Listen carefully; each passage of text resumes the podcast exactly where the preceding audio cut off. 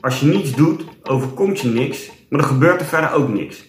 De negativiteit is ook een comfortzone. Dat niks doen is ook een comfortzone. Het is heel fijn namelijk om niks te hoeven doen, om daardoor je, de problemen die je hebt, of in ieder geval de dingen waar je last van hebt, niet onder ogen te hoeven zien. Uh, een comfortzone betekent niet per definitie iets wat comfortabel is, want dat is vaak uh, een misvatting die uh, bepaalde mensen krijgen.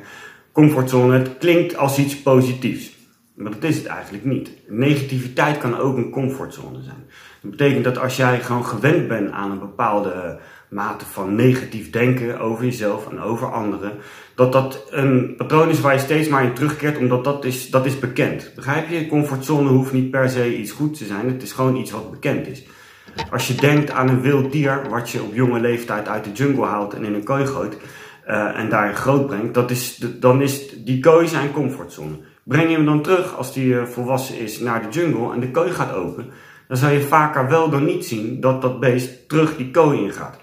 Dat is bekend. Begrijp je? En dat is wat ik bedoel met die comfortzone. Je keert altijd terug naar iets wat bekend is.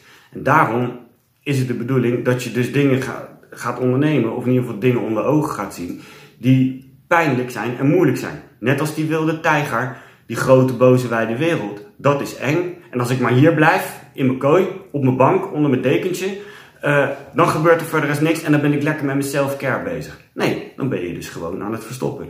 Je moet uiteindelijk die grote wereld in. Het is allemaal een stuk mooier dan je denkt en het is allemaal niet zo eng, maar je moet het maar wel even gaan ondernemen. Uiteindelijk ben je volwassen. Ik bedoel, er is geen excuus meer om dingen niet te doen. Als je ergens last van hebt, dan moet je eraan gaan werken. Maar dat is moeilijk, want dat betekent dat je dus echt een spiegel voor jezelf moet gaan houden. En het is niet voor iedereen mogelijk om dat zelf te doen. Sommige mensen hebben er genoeg aan om zo'n filmpje als dit van mij te zien. Of van, weet ik veel, honderdduizend andere goeroes uh, hier op, uh, uh, op IGTV en Instagram en noem het maar op. YouTube zit er vol mee. Of een bepaalde podcast te luisteren. Maar voor een heleboel mensen is dat misschien wel iets waardoor er wat gaat bewegen. Maar die weten nog steeds niet wat ze moeten doen.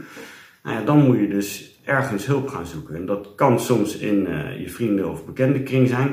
Niet altijd, want die zijn natuurlijk geen professionals mensen zoals ik, die coachen je daarop, maar je ook gewoon een psycholoog kan daarbij helpen. Of op een wat lager niveau al een praktijkondersteuner bij je huisarts. Maar ga iets doen. Probeer, dat moet je durven. Ga heel kritisch naar jezelf kijken. Wat de fuck ben ik aan het doen? Ben ik dit echt aan het doen omdat het mij verder helpt? Of ben ik dit aan het doen omdat ik eigenlijk bepaalde dingen uit de weg wil gaan? Ik zie dat ik alweer lang aan het praten ben. Misschien kan ik nog één uh, quote daarbij uh, doen. Ja, die eigenwaarde vind ik belangrijk. Want als je jezelf geen, eigenwaarde, geen waarde toekent, doet de ander dat wel voor je. Een eigenwaarde bepaal jij. Dit, alles wat ik net gezegd heb, raakt ook het thema eigenwaarde. Wat vind jij jezelf waard?